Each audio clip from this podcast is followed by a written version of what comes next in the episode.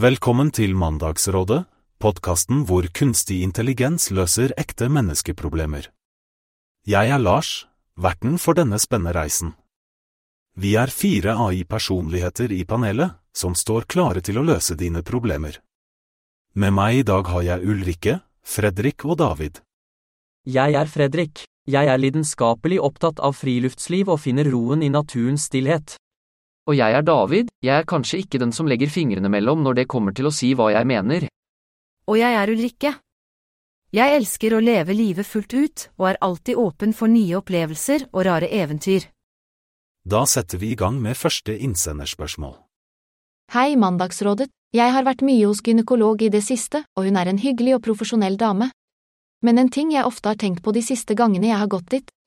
Bør jeg egentlig rydde der nede før jeg går til gynekolosjen? Jeg pleier å barbere, men noen ganger gror det bare fritt. Med vennlig hilsen Siri. Det er faktisk et interessant spørsmål. Jeg vil si at det kommer an på hvor mye skog som gror der nede, og hvorvidt det kan skape problemer under undersøkelsen. Hva mener du, Ulrikke? Å, Siri, min kjære. Du trenger ikke å bekymre deg for det. La skogen gro fritt. Vis gynekologen at du eier ditt eget landområde, om du skjønner hva jeg mener. Hva er det for noe tull? Folk vil ha svar her. Hør, Siri, her er sannheten. Gynekologer har sett det meste der nede, så du trenger ikke å overraske dem. Jeg vil si, gi litt ekstra kjærlighet og barber deg før du går dit. Rydd opp i det jævla buskas. He-he, David har tydeligvis sterke meninger om dette. Men dere, jeg kjenner en som har en enda mer uhyggelig vane enn at det bare gror fritt der nede. Han fletter det faktisk i fine frisyrer før han går til gynekologen. Tenk det. Oi, det må være en unik opplevelse for gynekolosjen. Jeg tror jeg holder fast ved å si at det kan være greit å gi det litt stell før man går dit. Men hver sin smak, antar. Jeg lar det gro. For å være ærlig, jeg pleier å tegne ansiktet mitt der nede før jeg går til gynekologen. Jeg liker å holde ting spennende. Er det mulig? Hva i helvete? Her sitter jeg og prøver å være seriøs, og så kommer du med det der. Faen, Ulrikke. Vel, det virker som vi er ganske uenige. Men hva er egentlig den beste løsningen her? Oppsummert vil jeg si at det kanskje er lurt å gjøre litt innsats og gi det en runde med barberhøvelen før du går til gynekologen, men det er også rom for å være litt kreativ og la det gro om man ønsker det. Takk for spørsmålet, Siri. Ja, og gi deg med de jævla tegningene, Ulrikke. Faen, altså.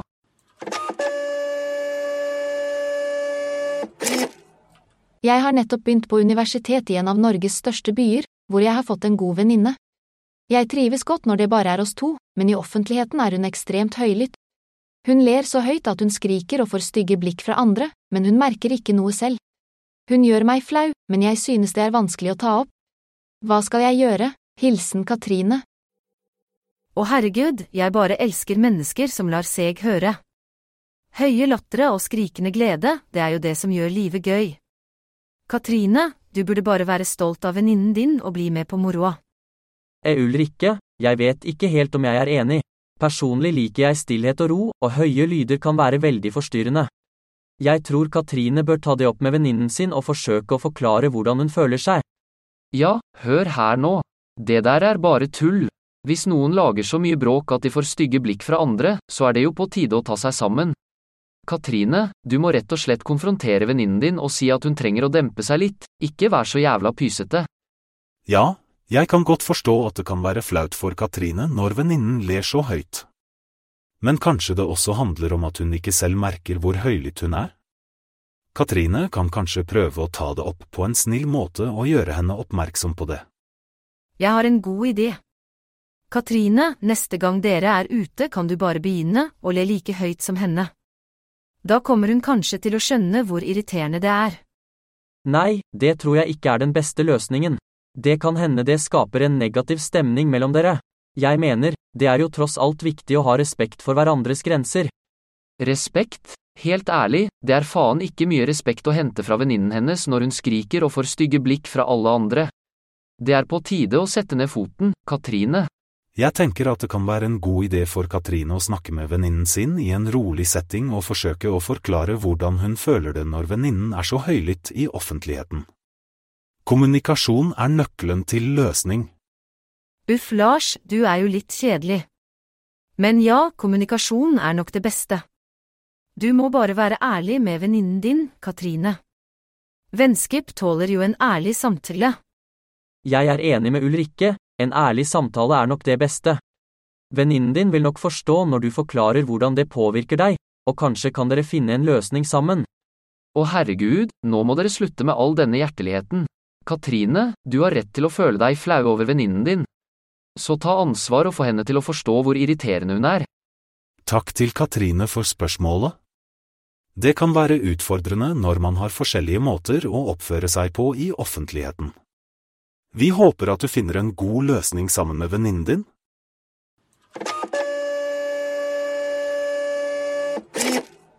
Hei, kjære Mandagsrådet, jeg har et problem, og det er at jeg spiser busene mine. Jeg gjør det bare når jeg er alene. Jeg vet det er ekkelt, men jeg klarer ikke la være. Jeg trodde at alle pleier å gjøre det i smug, men jeg har innsett at det kanskje ikke er sant. Hva kan jeg gjøre for å slutte, og hvor skal jeg gjøre av busene? Hilsen Simba. Å spise buseene sine, hø, det høres jo veldig merkelig ut. Kanskje Simba kan begynne å spise noe annet når han er alene, som for eksempel epler eller gulrøtter. Så kan han kanskje få mindre lyst til å spise buseene. Epler og gulrøtter, men faen heller, hvem vil vel spise busser i utgangspunktet? Simba må jo være gal. Kanskje han kan prøve å finne en hobby eller noe så han kan holde seg opptatt når han er alene. Ingen tid til å spise busser da. Nå skal det ikke være så kjipt, David. Alle har sine rare greier, vet du. Kanskje Simba bare trenger å akseptere at han liker å spise busser, men finne en bedre måte å gjøre det på. Hva med å bygge en busseskulptur? Da kan Simba la kreativiteten blomstre og samtidig få en fin plass og vise frem busene sine. En buseskulptur, er det noen i dette studioet som har mistet grepet helt? Hør nå her, Simba. Du må bare innse at det her er en ekal fæle vane, og at du må slutte før folk begynner å tro at du er totalt gæren. Nå, nå, la oss prøve å finne en løsning her. Jeg vil bare minne dere på at det er flere enn Simba som har rare vaner. Jeg, for eksempel EH, har en tendens til å spise håret mitt når jeg er stressa. Så vi skal ikke dømme Simba for mye. Å spise håret, ja, det er jo litt merkelig det også, Lars. Men jeg er enig i at vi ikke skal dømme Simba. Kanskje han kan prøve å finne noen sunnere snacks å spise når han er alene, og gjerne snakke med en profesjonell om det hvis det blir et stort problem. Ja, det er en god idé, Fredrik. Simba kan snakke med en terapeut eller psykolog som kan hjelpe ham å forstå hvorfor han har lyst til å spise busene sine. Og kanskje til og med finne en annen måte å takle den trangen på. Ja, det høres fornuftig ut.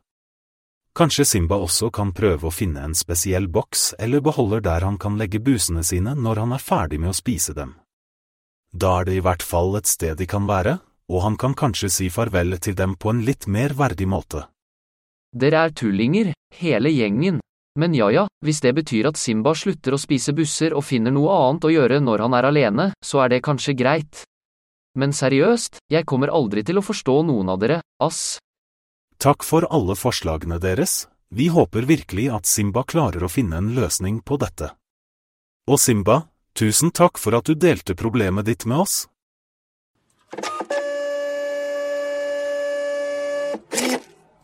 Jeg, min mor og mormor skal på sydentur, og dette blir min mormors første flyreise. Hvordan skal jeg få henne til å føle seg trygg, få henne til å glede seg over sin aller første flytur? Hilsen Alex. Jeg synes det er viktig at dere forbereder henne på hva som vil skje under flyturen. Kanskje gå gjennom hva som skjer før avgang, underveis og etter landing? Det kan hjelpe henne å føle seg tryggere. Ja, og kanskje vise henne noen videoer om fly og flyreiser, så hun kan se hvor trygt det egentlig er å fly. Kanskje til og med vise henne noen videoer om piloter som danser i cockpiten, det kan sikkert hjelpe på humøret. For faen, hva i helvete er dette for et spørsmål? Mormor burde jo klare seg selv, hun er ikke akkurat en idiot. Slutt å baby henne, Alex. Bare gi henne en vodka før hun går om bord, så blir hun så jævla slæk at hun sovner før dere tar av. Ja, nå roer du deg, David. Mormor trenger vel kanskje litt ekstra omsorg og støtte på grunn av sin første flyreise. Alex, du kan jo sjekke med flyselskapet om de har spesielle tilbud for passasjerer som er redde for å fly. Kanskje de kan gi henne en ekstra god opplevelse? Ja, og hvis det fortsatt er noe bekymring, kan dere jo vurdere å ta med en beroligende urtete som kan hjelpe henne å slappe av. Jeg har faktisk en spesiell blanding av tørket lavendel og kamille som virkelig fungerer, hvis du vil ha. En slurk av den og hun blir som en søt, liten geit. Fredrik, du er virkelig spesiell. Men kanskje en sånn uventet og rar gave er akkurat det mormor trenger for å glemme sin frykt. Jeg mener, hvem blir vel ikke glad for en pose med tørket geitort? Herregud, dette er så jævla dumt. Du må seriøst være den teiteste innsenderen noensinne, Alex. Men hvis du absolutt må gjøre noe, så kan du jo kjøpe en billig plastspinner til mormor, sånn at hun kan spinne den rundt og late som om hun er en forvirret sumobryter. Kanskje det distraherer henne fra å være en paise. Godt poeng, David, på en måte. Men Alex, jeg tror det viktigste her er å være tålmodig og støttende overfor mormor. Gi henne trygghet og vis at du er der for henne. Og nå, når dere skal på sydentur, får hun virkelig sjansen til å oppleve noe nytt og spennende. Det blir en uforglemmelig opplevelse for henne. Tusen takk for spørsmålet, Alex. Ja, tusen takk, Alex, og husk å gi meg beskjed hvis du vil ha noe urtete. Ja, takk, Alex. Og du vet hvor du finner meg hvis du trenger flere rare ideer. Jævla tullball, Alex, men lykke til, eller noe. Ja, lykke til, Alex. Og takk for at du sendte inn spørsmålet til oss.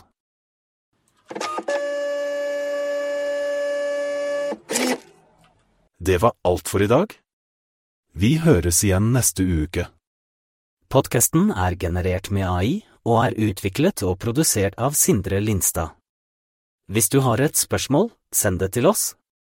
Du finner info i episodeteksten.